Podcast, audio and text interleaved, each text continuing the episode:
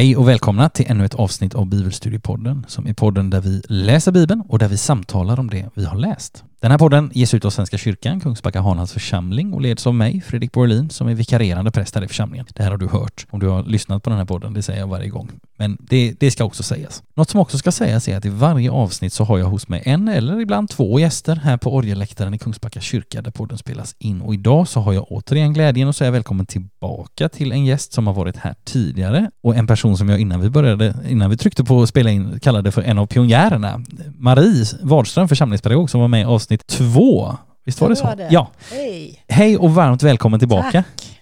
Härligt. Hur är läget? Det är bra tack. Mm. Ja, så bra det går i den här tiden. Ja. Men det är härligt att få vara här. Jag får instämma om jag skulle rikta frågan till mig själv att det, det får gå men, men det är gott att du är här och att vi får göra någonting. Det är gott att ha med oss dig som lyssnar nu. Vad har hänt sen sist? Kan jag passa på att fråga dig då? Du, det händer väl inte så mycket nu?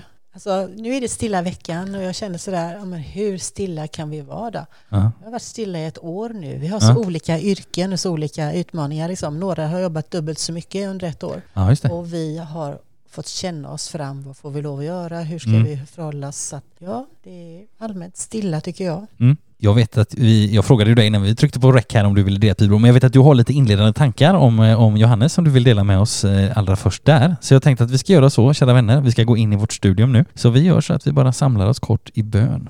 Jag knäpper mina händer, du som lyssnar är varmt välkommen att göra det också. Låt oss be. Kära Herre, så ber vi dig att du öppnar ditt ord för våra hjärtan och våra hjärtan för ditt ord. Amen. Amen.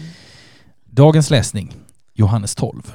Kapitlet är uppdelat i fyra, i fyra ganska, för att vara Johannes, korta avsnitt. Vi är ju nästan vana vid att ibland bara i ett eller ibland två avsnitt utgör ett helt kapitel långa, långa sjok. Men idag är det faktiskt fyra lite kortare avsnitt, i alla fall i min Bibel 2000 som jag har som underlag. Och så går vi in, eller har vi nu gått in i andra halvan av Johannes evangelium. Både textmässigt, vi har ju läst 11 kapitel och så har vi 10 kvar inklusive dagens avsnitt, så vi är i andra halvan, men också innehållsmässigt så är vi liksom i del två nu kan man säga. Vi befinner oss i, i del två av Johannes som handlar om Jesus sista vecka, i och kring Jerusalem, hans lidande, död och uppståndelse. Så nästan halva Johannes utspelar sig ju Jesus sista vecka, vilket inte minst beror på, bara för att göra en kort blick framåt, vilket inte minst beror på att Johannes berättar om och återger det långa avskedstal som Jesus håller på det som vi kallar skärtorsdagens kväll. Det här talet, alltså som också heter Jesu avskedstal och som är kapitel 14, 15, 16, 17. Så det, det, det avskedstalet får fyra avsnitt i den här podden. Men där är vi faktiskt inte än, för nu så ska vi läsa Johannes kapitel 12. Det är dagens studium. Och jag vet du hade lite inledande tankar Marie som du ville dela med oss. Ja, alltså, du frågade kan vi läsa Johannes 12? Absolut, jag älskar Johannes. Ja. Det är sån härlig, han, är så nära Jesus och han berättar massa saker som ingen annan gör. Nej, just det. Där. Och så slog jag upp kapitel 12 och så tänkte jag, jaha, jag har strukit under ganska mycket i min bibel på olika sätt. Ja. Här har jag inte strukit under någonting. Nej, Mm, kan vi byta? Ja. Det är så intressant. Liksom, Ja. man har, jag tänker Johannes, känner ingen oro, Ja. tro på Gud, tro på mig. Ja. Ja, det kommer lite senare. Det är 14, Men åt ja, alla den som tog emot honom ta- gav han makt att bli Guds barn. Ja. Ja, vad fantastiskt, det kommer senare. Ja. Ja. Och Johannes 3.16 som är liksom, Ja. ja. världskändis, Ja. liksom, så, så älskade Gud hela världen. Och jag har så många understrykningar och så många härliga ord. Och Mm. så kommer vi till tolfte kapitlet. Ja. Så nu ska vi läsa det. Jag tycker det Ja. var så Mm. intressant. Jag- kanske får nya understrykningar efter Mm. det här. Det känns väldigt bra. Ja, vad gott att höra. Vilken frimodighet. Jag tänker så här, ja, vi har haft, för några avsnitt sen så hade vi Ann Olsson här eh, och hon sa, för hon, då pratade vi Johannes 8 och hon sa så här, det här kapitlet hade jag inte valt om jag fått välja. Och då är det så gott att vi säger att nej men vi hoppar inte över avsnitt 12 utan Precis. nu läser vi det och det blir vår förutsättning den här gången. Så att vad, vad gott att, eh, få, att du delar den här tanken som du går in med och som vi går in med i det här. Jag ska också säga bara en sak till innan vi låter Marie läsa den första texten här. Alltså en sak till som kunde vara på sin plats att säga nu i det här, det är att påminna oss om någonting som vi har hört innan, nämligen detta att vi kan tänka på Johannes och hans evangelium, att det liksom kompletterar den bild vi har från de andra tre evangelisterna, Matteus, Markus och Lukas, som ibland också kallas de synoptiska, det vill säga de samseende evangelierna, för att de är så pass lika, precis som du tog upp nu Marie här, att, att Johannes han berättar på ett annat sätt, han kompletterar, han kommer med nya saker. Och så har vi någon gång tagit upp också det här att vi har anledning att tro att Johannes var medveten om de tre andra evangelierna eller de tre andra evangelisternas verk och att han liksom medvetet valde att berätta om sånt som de tre andra inte tog upp. Och så skrev han på ett annat sätt. Här hos Johannes så får vi liksom mer av Jesu insida, mer tal av Jesus, en lite annan ingång, alltifrån den här liksom, om vi ska tänka långt tillbaka nu, den radikalt annorlunda början hos Johannes som verkligen är från allra första början. I begynnelsen var ordet. Evighetens perspektiv har vi talat om att Johannes skriver utifrån och Klas sa en sak när, när han var här när vi pratade Johannes 2 som har fastnat hos mig som jag tycker är en bra beskrivning, nämligen Johannes tar ut svängarna för det gör verkligen Johannes. Han tar ut svängarna.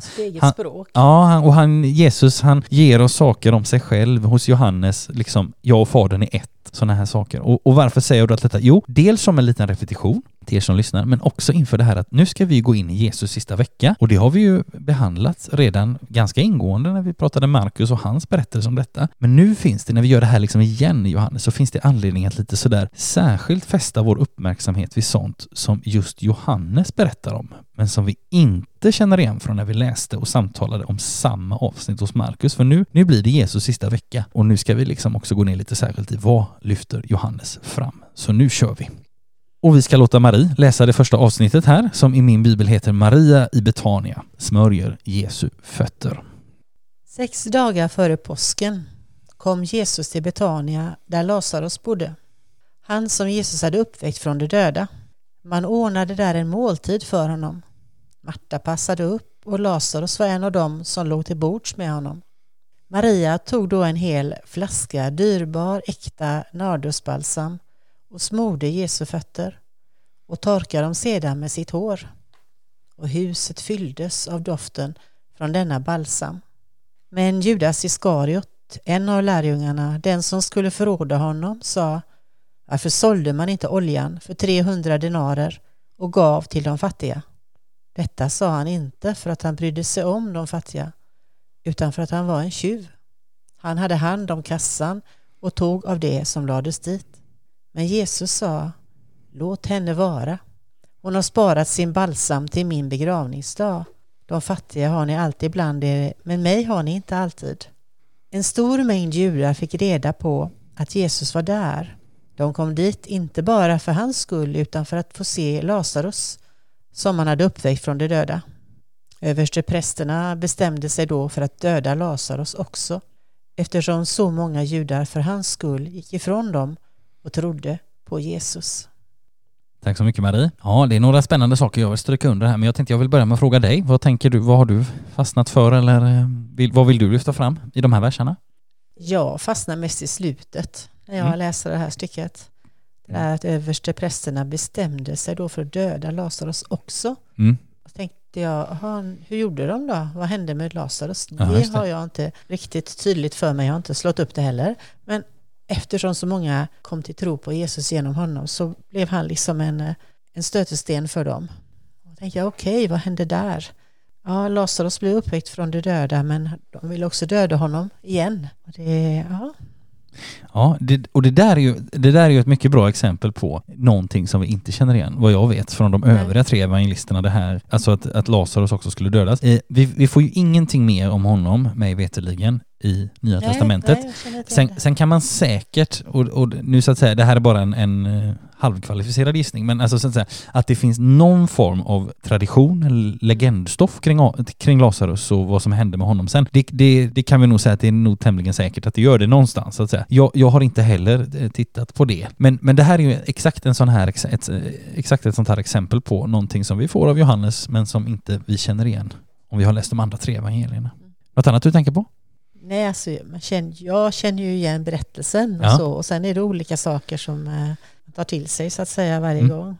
Maria och flaskan och allt det här. Ja, det är så fint. Och det, idag tänkte jag på att hela huset fylldes av doften. Ja, just det. Liksom, det, är, ja, det, är häft, det är också en sån här grej. Ja. ja, jag tänker att ibland pratar vi om en Kristusdoft. Ja, just det.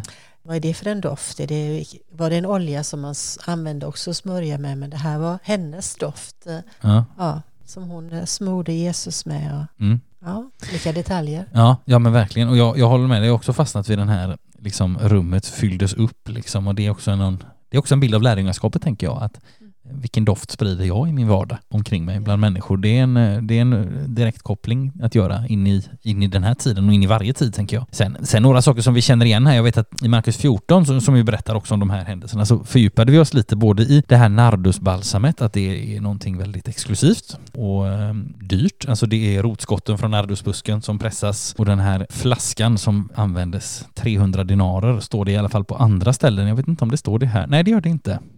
Det står bara att den är dyrbar och att den är äkta. Och 300 dinarer som det står hos Marcus i alla fall. Ja, vi kan tänka en årslön för en vanlig arbetare på den här tiden, vilket skulle ju innebära i våra dagar en årslön för en arbetare i våra dagar. Alltså en Ja, någon det är som, ganska mycket. Ja, det är ganska mycket. Det är, en, det är ett par hundratusen minst. Det är inte riktigt lika tydligt hos Markus vem det är som smörjer. Då är det en anonym kvinna. Men eh, här så är det uttryckt att det är Maria. Jag vet också, för att bara koppla bakåt, när förra avsnittet när eh, Barbro var här så konstaterade vi att i kapitel 11, där vi får, veta om, där vi får höra om när Lazarus uppväcktes, så står det så här allra först. Jag ska bara läsa dem för att eh, rekapitulera här. En man som hette Lazarus låg sjuk. Han var från Betania, byn där Maria och hennes syster Marta bodde. Och som parentes, det var Maria som smorde Herren med välluktande balsam och torkade hans fötter med sitt hår. Och Lazarus som låg sjuk var hennes bror. Och det hade inte hänt då, utan det händer idag. Alltså, och jag tänker att det här att Jesus är i Betania och det här som han har gjort för sina vänner i förra avsnittet, det hänger så intimt ihop liksom. Och det, jag tänker att det är också därför vi får en passning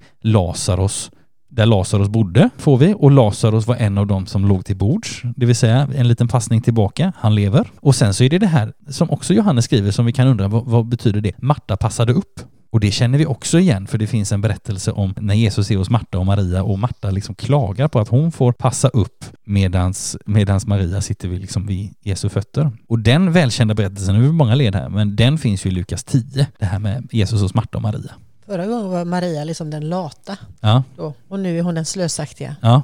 ja. Hon får ha den rollen. Ja. Och ibland så brukar man ju tänka så här, alltså när, när, om vi bara gör den här utvikningen till Lukas 10 så säger Jesus till Marta då när hon klagar på sin syster så säger han Marta, Marta du, du gör dig mycket bekymmer men Maria har funnit det som är bäst och så vidare. Så samtidigt ska man komma ihåg när man tänker på båda de här systrarna att när Lazarus uppväcks då är det först Marta som kommer och sen kommer Maria och möter. Alltså så att det, det, jag tänker att det är också två sidor av lärjungaskapet, att lyssna till Jesus och att också ibland inte, inte backa för de praktiska uppgifterna. Nej, eh, så det, det, är gott. Sen finns det några till sådana här nyckelsaker. Judas Iskariot kommer in nu på ett nytt sätt. Det är bara Johannes som berättar om dels att Judas hade en specifik uppgift, att han hade hand om kassan. Det, det får vi inte veta av någon annan evangelist. Och också det här ganska karga som det står här. Detta sa det han inte, alltså detta sa det Judas Iskariot inte för att han brydde sig om de fattiga utan för att han var en tjuv. Han hade hand om kassan och tog av det som lades dit. Ja, det är tufft att skriva så. Ja, det är det. Verkligen liksom förklara. Det är också en självklarhet att det är så här, men jag tänker ju inte alltid på att det är bara Johannes som berättade. Nej. Eh, var har man fått det ifrån? Liksom? Det går Mm. in i varandra saker och ting. Ja. Och ibland är det skönt att bena ut det. Ja. Ja, han berättar det och den berättar det. Och Mm.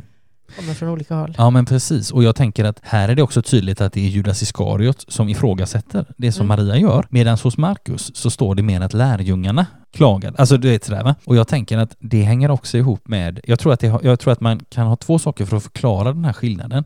Det, är, det ena är att Markus, han är ganska noga med att stryka under att lärjungarna är väldigt mänskliga och väldigt oförmögna många gånger. Vi får många exempel på detta, att de tvistar om vem som är störst och du vet sådär. Det är det ena. Sen tror jag också det här, att, att det här med att Judas förråder Jesus, det måste ha varit en ganska stor chock ändå i den första kyrkan. Och att Johannes, som är skrivet lite senare, har på något sätt också lite grann bearbetat och, och valt att lyfta in mer Ja, av Judas. Det är ett sätt att tänka. Jag ska inte säga att det exakt är så, men jag, det skulle kunna vara en tanke som, som kan liksom lägga, lägga någonting på plats. Men egentligen kan man säga både detta med nardusbalsamet som man kan lägga ut texten om, men också det här med Judas Iskariot, vad hans namn betyder, eller kan tänkas betyda. Lyssna på, om du inte har gjort det, avsnittet Markus 14, för då, då får du en, liksom en liten fördjupning både kring nardusbalsamet men framför allt kring Judas och hans mystiska efternamn. Så kolla gärna upp Markus 14 i avsnittet. Nu ska vi göra så att vi ska gå vidare och läsa det andra stycket som också är lite roligt att läsa just nu. När det här spelas in så är det tisdagen i stilla veckan, alltså ehm, två dagar efter palmsöndagen och nu får vi läsa om det som händer på palmsöndagen. Marie ska läsa för oss verserna 12 till 19, intåget i Jerusalem. Nästa dag När de många som hade kommit till högtiden fick höra att Jesus var på väg till Jerusalem tog de palmkvistar och gick ut för att möta honom. Och de ropade Hosianna, välsignade han som kommer i Herrens namn, han som är Israels konung. Jesus fick tag i en åsna och satte sig på den. Som det står skrivet, frukta inte dotter Sion, se din konung kommer, sittande på en ung åsna. Lärjungarna förstod först inte detta, men när Jesus hade förhärligats kom de ihåg att som det stod skrivet om honom så hade man gjort med honom. Alla de som hade varit med honom när han kallade ut Lazarus ur graven och uppväckte honom från de döda vittnade om detta. När folk hörde att han hade gjort detta tecken drog de ut för att möta honom. Men fariseerna sa till varandra, ni ser att ingenting hjälper. Alla människor springer efter honom. Tack så mycket. Vad är dina tankar om det här avsnittet, Marie? Ja, det är en, alltså, det är en igenkännelse också med ja, det. Välkänd text, absolut. eh, I mycket med Hosianna och detta. Men Ja. eh, jag fastnar ofta för det sista där också. Ni ser att ingenting hjälper. Alla människor springer efter honom. Ja, Ja, det här är ju hopplöst. ja jo men det är Ja, verkligen... Hur ska, vi, hur ska vi bli av med honom liksom? Nej, här kommer det ändå mer folk och det här så så kommentarer liksom. Ja. Och jag tänker att det här är ett exempel på också, för just det här, nu gissar jag lite, men jag tror att just den här versen till exempel, fariseerna sa det till varandra, ni ser att ingenting hjälper. Det tror jag inte heller finns hos någon annan evangelist. Och, och vi har vetat att vi har varit inne på det någon gång innan, vi kommer komma ännu mer till det om ett par kapitel, men det här att Johannes, evangelisten Johannes, som ju också är lärjungen Johannes, han verkar känna till mer om liksom, Jesu motståndare, hur de tänker, vad de har sagt till varandra. Eh, också det här att eh, Johannes är den som berättar om Nikodemus och hans nattliga möte. Och han är den som berättar att Josef från Arimathea, då är det gravläggningen, Johannes 19, så dit kommer vi också. Han är den som be- berättar att Josef från Arimathea, att han var en lärjunge till Jesus fast i hemlighet. Alltså Johannes, han har en källa inne i det innersta där. Kanske är det Nikodemus, kanske är det Josef, eller någon annan, eller flera andra. Eller så har han liksom själv en koppling på något sätt. Vi ska, vi ska prata lite mer om detta några kapitel fram, men vi kan bara påminna oss om att liksom just det här med, också det här med vad de tänker om Lazarus som vi hörde i förra avsnittet. Det är en sån sak. Också det här att de säger ni ser att ingenting hjälper. Den frustrationen på något sätt, att de ser att det här håller på, ja vad ska det bli av detta liksom?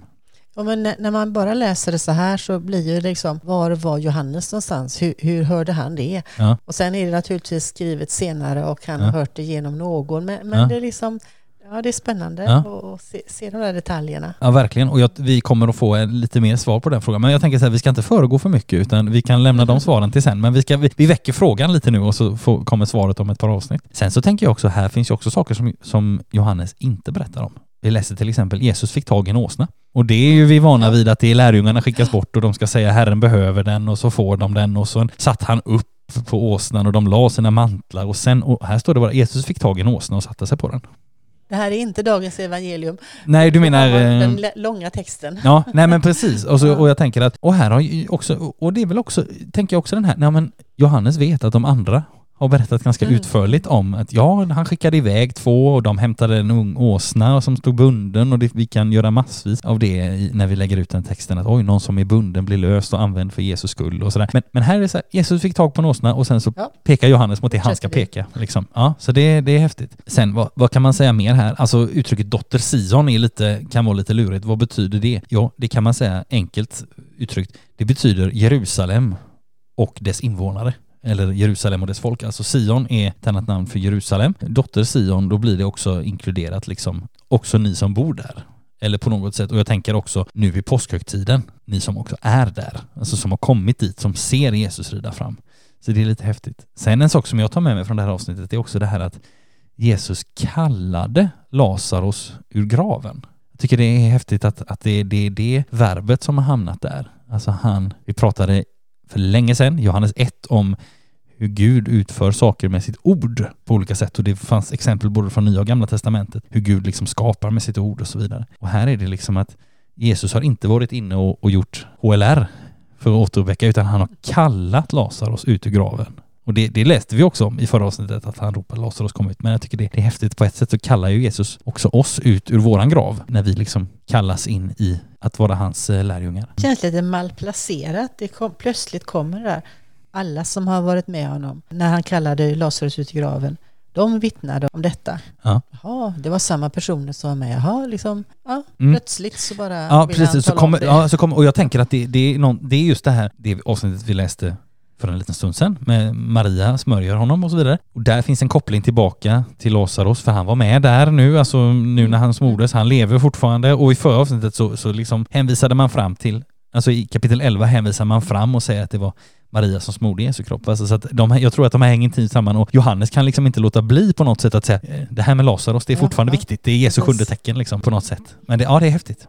Men vi, vi läser vidare. Ja. Och eh, nu är det jag som ska läsa det avsnitt som heter Jesus talar om sin död från vers 20 till vers 43.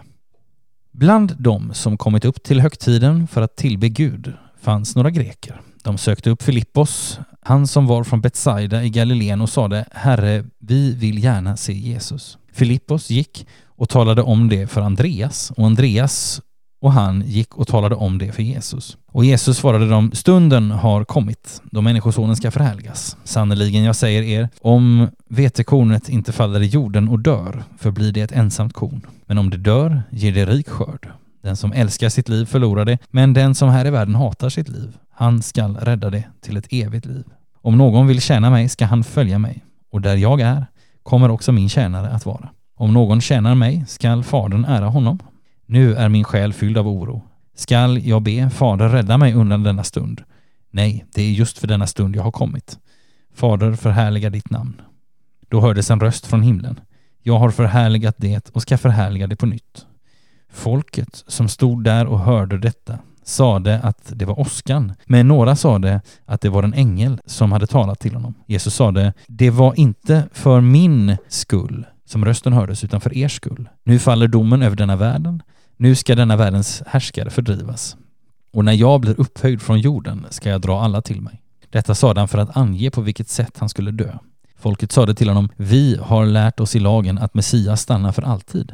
Hur kan du då säga att Människosonen måste bli upphöjd? Vem är denna Människoson? Jesus svarade, ännu en kort tid är ljuset ibland er. Vandra medan ni har ljuset, så att mörkret inte övervinner er. Den som vandrar i mörkret vet inte vad han gör. Tro på ljuset medan ni har ljuset, så att ni blir ljusets söner. När Jesus hade sagt detta lämnade han dem och var försvunnen. Trots att han hade gjort så många tecken inför dem trodde de inte på honom. Ty profeten Jesajas ord skulle uppfyllas. Herre, vem har trott på det vi fick höra? Och för vem har Herrens makt uppenbarats? De kunde inte tro, ty Jesaja säger också Han har förblindat deras ögon och förstockat deras hjärtan så att de inte kan se med sina ögon och förstå med sitt hjärta och omvända sig och bli botade av mig. Detta sade Jesaja därför att han såg hans härlighet och det var om honom han talade. Ändå kom också många i rådet till tro på Jesus. Men med tanke på fariseerna ville de inte erkänna det för att inte bli uteslutna ur synagogan. De älskade äran från människor högre än äran från Gud. Tankar Marie på detta avsnitt? Ett jättelångt avsnitt med jättemycket att fundera över och samtidigt så kan man kanske bara läsa och tänka, ja, det här, det här ja. sa han liksom. Ja. Men jag tänk- det är så många, ja, han säger så mycket Jesus på, på Ja. en gång. Ja, det gör han. Han är I kondenserad. korta, med, I korta meningar ibland så är det liksom så otroligt mycket. Men Mm. först är det Andreas och Filippos och, och den här funderingen. Mm. Stunden har kommit när Människosonen ska förhärligas och vetekornets lag. Mm, just Det det. finns ju hur mycket som helst att fundera runt tänker jag. Ja. Att, att döden liksom aldrig har vunnit. Nej. Det är aldrig för sent. Nej, det är det är aldrig för liksom sent. det där att livet kommer genom, också genom döden, genom det jobbiga, genom vetekornets lag. Mm. Eh, ja, Det är, ja, precis. Som faller i jorden och dör och blir till rik skörd. Mm. Ja, det är häftigt. Nej, jag håller med dig. Här finns mycket, mycket man kan säga och mycket man kan liksom fundera vidare kring och så här. Jag har, jag har några tankar jag vill dela. Alltså en sak som är allra, allra först här, det står det så här, bland de som kommit upp till högtiden för att tillbe Gud fanns några greker. Och vilka är det? Ja, vad kan vi veta om dem? Grekisktalande icke-judar, eller hedningar helt enkelt som man säger ibland, som anslutit sig till judendomen och liksom sympatiserar med den och tror på på det judiska folkets gud, alltså vår gud, och kommer upp också till Jerusalem för att fira högtiderna. Och så är det lite intressant att de just får tag i Filippos som har ett grekiskt klingande namn och kommer från Betsaida som ligger i den, alltså den sannolikt grekisktalande staden Betsaida nära det här Dekapolisområdet som vi har nämnt innan. Så troligen är det just en kontaktpunkt för de här grekerna att Filippos har ett grekiskt namn, han kommer från ett grekiskt sammanhang eller en grekisktalande stad Och så blir det liksom han som får förmedla detta. Eller som får eh, liksom förmedla att det finns fler som är intresserade av att höra. Sen så tycker jag det finns någonting utmanande i det. Jesus säger i vers 25 så här, den som älskar sitt liv förlorar det, men den som här i världen hatar sitt liv, han ska rädda det till ett evigt liv. Det kan man ju fundera över. Mm. Vad betyder hata sitt liv? Och Ja. liksom, vad är det? Ja, det, är det finns också många dimensioner i det. Ja, men det gör det. Och jag tänker, när man tänker på vad, vad, vilket, vilket grekiskt ord döljer sig bakom här, och det kan vara lite gott att känna till, det här verbet miseo eh, på grekiska, det kan betyda hata i, i den liksom, bemärkelse som vi tänker på det, det vill säga ha en stark avsky mot någonting. Men det har faktiskt en vidare betydelse än endast hat. Det kan också betyda sätta i andra hand. Och det, det tror jag, det behöver vi ha med oss här. Det är en annan översättning. Alltså, eh, och det är också en annan översättning som inte är tillrättaläggande utan som liksom tar in att det här ordet kan också betyda, betyda detta liksom. Och sen så tänker jag, och det är också en sån här allmän bibelprincip att det som för oss, eller som kanske för mig, eller för dig och mig Marie, eller sådär, och kanske någon till, eller många till, som är svårt att höra, alltså om att hata sitt liv, och som man tänker, nej men det gör ju inte jag. Och så får vi dels höra att, ja fast det här kan också betyda sätta i andra hand, det vill säga Jesus vill, vill ha en central, han vill ha liksom första platsen. Men sen tänker jag så här också, det här kan också vara ett ord till en människa som, som kan instämma i orden, Mm. jag hatar mitt liv. För det Så finns ju de som med. känner, som känner så, och som, eller som har liksom erfarenhet av perioder i sitt liv när man känner så. Det är det som kommer lite senare nu, min själ fylld av oro. Ja, Ska jag be Fader rädda mig undan denna stund? Nej, det är just för denna stund jag har kommit. ja, Och jag tror att många har varit i liksom perioder i sitt liv när man, mm, Gud ta bort det här, mm, låt mig inte gå igenom det. Ska Mm. jag, eller ska jag be, nej, Gud är med mig i det här, Mm. jag måste gå igenom det här. Ja. Alltså jag tror att det vi faktiskt är många som har, har det så, Ja. att vi, och vi måste gå igenom det här. Det Mm. här är en del av mitt liv och eh, liksom inte bara Gud ta bort, ta bort, ta bort, eh, Mm. utan Gud är med i det svåra och får liksom, vi får gå igenom det med Mm. honom. Men Jesus reaktion, ska, ska jag ta bort det eller ska jag be Mm. Gud ta bort det? Hur ska jag göra? Mm. Hur ska jag hantera detta? Men hans själ var också fylld av oro och det Mm. tror jag vi också kan känna igen oss i perioder. Verkligen. Och jag tänker att när Jesus säger så här att hata sitt liv, han ska rädda det. Det vill säga, jag tror också att för den människa som är på botten så är Mm. Jesus särskilt nära. För, det, för Jesus Mm. talar om sin räddning. Alldeles, alldeles i samma mening liksom. Jag tycker det är häftigt. Sen är det intressant också, alltså, man, man undrar lite vad, vad, vad är Jesus stämning här? För att han är ju bedrövad och det säger han ju. Samtidigt så tänker jag att det ligger någonting också självklart i stunden har kommit. Vers 23. Jesus svarade om stunden har kommit och människosonen ska förhärligas. Alltså det finns en, även om det vet. finns en oro så finns det också en, upp, upplever jag i alla fall när jag läser detta, det finns en, liksom en trygghet på något sätt eller en, en, en kunskap om vad som ska ske i alla fall. Alltså Ja, vi men det känner, händer ju på många ställen i, under här att han, han, han säger han är, han är ledsen och rädd innan det händer mm, för han vet vad som kommer att hända. mm, Och samtidigt vet han liksom Gud är med honom vid det eller han, Mm. han måste. Mm. Och, just, och just den här versen är också intressant. Alltså en av de här, det finns ju, vi har ju talat om tidigare här i podden, om Johannes sju sjutal och ett av de sjutalen är ju Jesu sju stunder. Alltså sju gånger nämns Jesus stund. Tre gånger har vi hört hittills så har vi hört att Jesus har sagt stunden har inte kommit. Han säger det till, till exempel till sin, till sin mor Maria, till sin mamma Maria i, i bröllopet i Kana. Han säger men stund, min stund har inte kommit än. Nu är det den fjärde stunden av sju och nu går han från att säga, tidigare har han sagt stunden har inte kommit, nu säger han stunden är inne och det kommer han säga tre gånger till. Så det är också en sån här, nu, nu är vi verkligen i del två, nu har vi gått från att stunden inte har kommit. Det är ju ett sätt att dela upp Johannes. Jesus stund har inte kommit, Jesus stund har kommit och nu har den kommit. Nu är vi i del två liksom, så det är häftigt. Jag gillar när vi hör Fadern säga jag har förhärligat det och jag ska förhärliga det på nytt. Ja, Och de som står runt omkring, eller Jesus säger det var inte för min skull nej som rösten hördes utan Nej. för eran skull. Mm. Klart, att, klart vi vill höra Fadern, liksom Ja. Faderns röst så tydligt men Mm. oj vad får det för konsekvenser? Ja. Och vad, Ja, och där finns ju två sådana här kopplingar för jag tänker dels, eh, tänker jag på nu utifrån det du säger att dels det här att Jesus säger det är inte för er, det är inte för min skull, säger Jesus, för Jesu kunskap, den är redan fullständig. Mm. Vi har ju fått sådana här goda påminnelser tidigare om att det finns en så här, alltså den här gemenskapen mellan Fadern och Sonen och också Anden. Alltså vi får särskilt många pusselbitar och nycklar till det i just Johannes evangeliet. Det är det ena. Sen är det också så här att alltså Jesus talar i det här sammanhanget om att det inte var för min skull utan för er skull, säger han till de som lyssnar. Eh, något liknande har han också sagt allra sist i kapitel 11 så ber Jesus så här, Fader jag tackar dig för att du har hört mig. Själv visste jag att du alltid hör mig, men jag säger detta med tanke på alla de som står här, för att de ska tro att du har sänt mig. Alltså Jesus gör saker verkligen, inte för sin egen skull utan för andras skull. Och, då, och det kan vi i sin tur, nu blir det många tankehopp här, det kan vi i sin tur koppla till det här som vi ibland tagit upp här, som Johannes nyckelvers, alltså varför han skriver 2031. Dessa då, alltså allt det här som Jesus har gjort har skrivits ner för att ni ska tro att Jesus är Messias, Guds son och för att ni genom att tro ska ha liv i hans namn. Alltså att på samma sätt som Jesus uttrycker att han gör saker eller säger saker för människor, för deras skull, så skriver också Johannes för våran skull tycker jag är, ja, det är en häftig kombination. Liksom. Sen ytterligare någonting, i vers 34 så läser vi så här, folket sa det till honom, vi har lärt oss i lagen att Messias stannar för alltid. Det där är också en lite sådär intressant sak, att det var också en sån här, vad, vad, vad innebär det att Messias kommer? Och vad, vad, liksom, vad betyder det och vad kan vi hitta där? Och här hänvisar ju folket till att här är någon som alltid ska komma och då kan vi tänka på, just kopplat till detta, så kan vi tänka på Jesaja 9 och 7. Det står så här, väldet ska bli stort, fredens välsignelser utan gräns, för Davids tron och hans rike.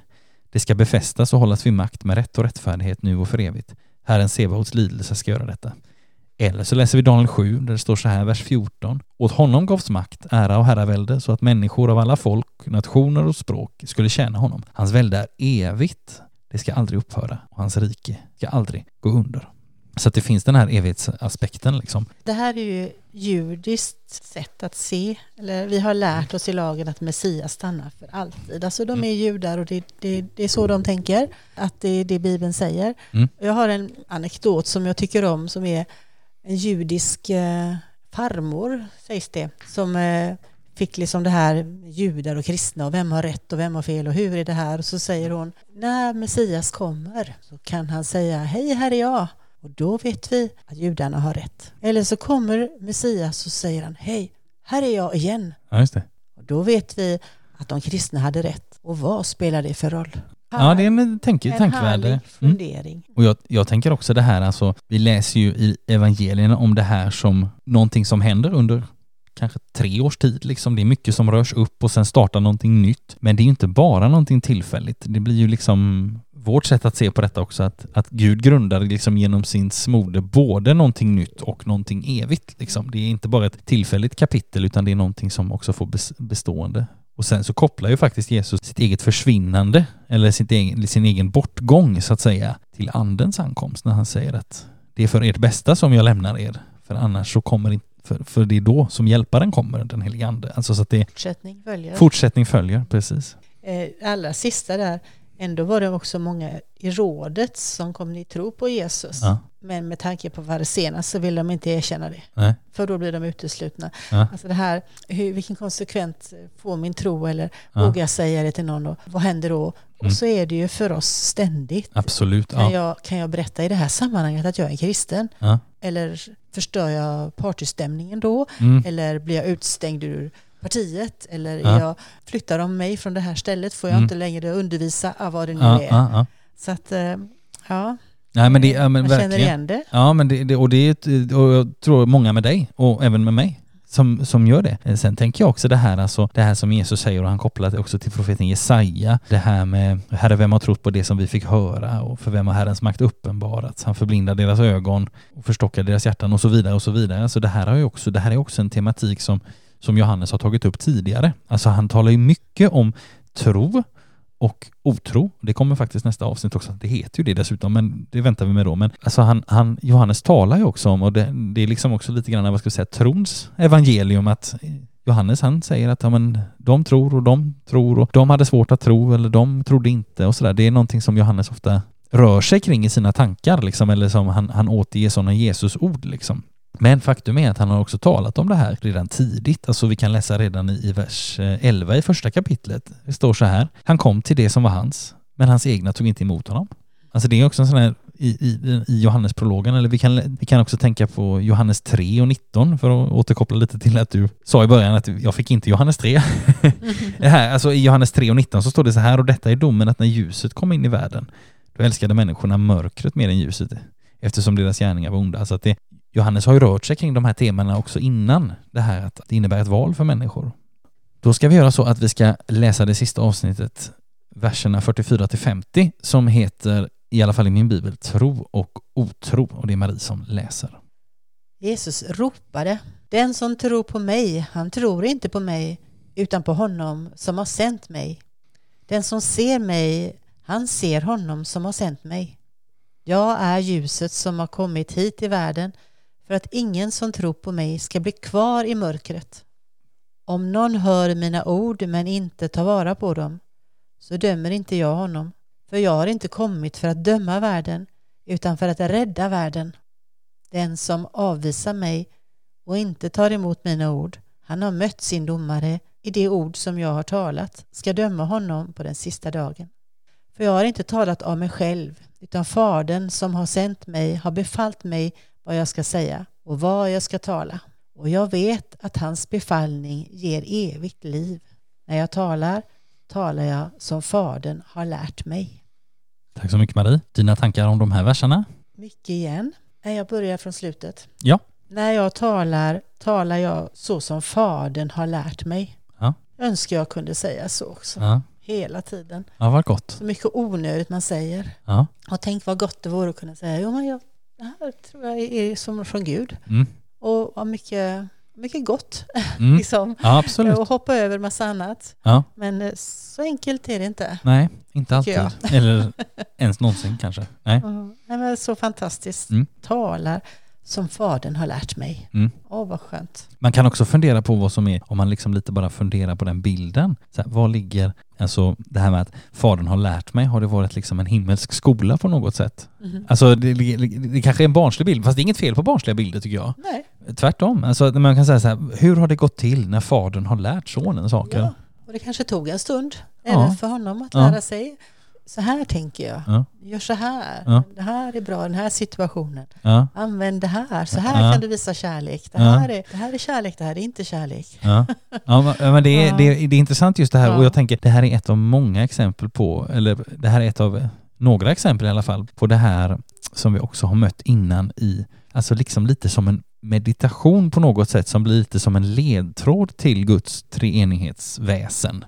Det här att vi bara får höra det här att vad Fadern har lärt Sonen. Mm. Alltså att det, det är en sån här, vi har stött på det här tidigare, alltså i slutet av kapitel 3 kommer ett sånt avsnitt, kanske också i slutet av, eller på ett sätt också i slutet av kapitel 9, alltså sådana här korta avsnitt som vi nästan skulle kunna ja, men meditera över, läsa om och om igen, fundera över. Alltså de vill visa oss någonting tror jag verkligen om Guds djupaste verklighet på något sätt. Och det, ja, det är häftigt. Och vad, hur gick det till när fadern lärde sonen? Det är, ja, det är fint. Och han säger vad Fadern har lärt mig, inte bara vad han har befallt mig. Nej. Det- Det händer ju också liksom Ja. att då, nej, det finns en stor kärlek i det tycker Mm. Sen så finns det, jag tänker eftersom du nu nämnde Johannes kapitel 3 här, nu ska vi inte prata om kapitel 3 när vi pratar om kapitel 12, men det här finns ju en väldigt tydlig koppling mellan det här avsnittet och någonting som Jesus säger i kapitel 3. För här i kapitel 12 så säger Jesus i vers 47 så här, ty jag har inte kommit för att döma världen utan för att rädda världen. Och då kan vi dra oss till minnes kapitel, eh, kapitel 3, vers 17. Ty Gud sände inte sin son till världen för att döma världen, utan för att världen skulle räddas genom honom. Så att det finns de här, eh, här finns det liksom, här kommer den här goa igen, liksom, eh, på något sätt. Så det, ja det är gott. Sen man skulle säga någonting mer, så det är intressant det här första, vers 44. Den som tror på mig, han tror inte på mig, utan på honom som har sänt mig. Och det är också en sån här sak med, med liksom, jag tänker att det är ett annat sätt att tala om att det här som Jesus säger, att jag är, jag är vägen till Fadern. Jag är grinden som man går in igenom. jag. Liksom. Jag representerar, Ja. konkurrerar inte med Gud, jag representerar Gud. Ja. Och det är, det är också ett ord, tänker jag, in i våran tid, alltså i våra liv eh, som lärjungar och också för oss som jobbar i kyrkan att, att vi representerar, vi konkurrerar inte om det är inte mig de ska följa eller, eller inte ens dig, utan det är Jesus liksom. Men, men eh, ja, det är, det är goda ord att eh, stanna upp vid och meditera över. Har du något annat som du tänker på i kapitlet stort eller i den här avsnittet Marie eller? Ja, det finns ju mycket att stryka under, Ja. får jag ju säga då. Ja, men Eh, vad fint att du kom till den det. konklusionen. Det, och det, jag tänker att det, det händer något med oss när, också när vi, när vi läser tillsammans. Ja. Alltså man får, och det är tankebanor och associationer och sådär, så det, det är gott. Jag är ljuset som har kommit hit till världen för att ingen som tror på mig ska bli kvar i mörkret. Nej, Punkt. punkt ja. Det det, jag tror jag ska stryka under det. Men kan inte, du, vi, en utav alla. kan, inte du läsa, kan inte du läsa det ordet en gång till bara, så tar vi det som ett slutord för dagens kapitel. Och vilken vers är det? Det är nummer 46 tror jag att jag ser här. 12 och 46. Jag är ljuset som har kommit hit till världen för att ingen som tror på mig ska bli kvar i mörkret. Amen. Amen. Stort tack Marie för att du har kommit hit, delat tankar och funderingar och tack för nya insikter. Stort tack till dig som har lyssnat. Hoppas att du har kunnat följa med i vårt samtal och också få till dig någonting av detta. Och tills vi hörs nästa gång så önskar jag och Marie dig som, som har lyssnat allt gott och Guds rika välsignelse. Hej då! Hej då.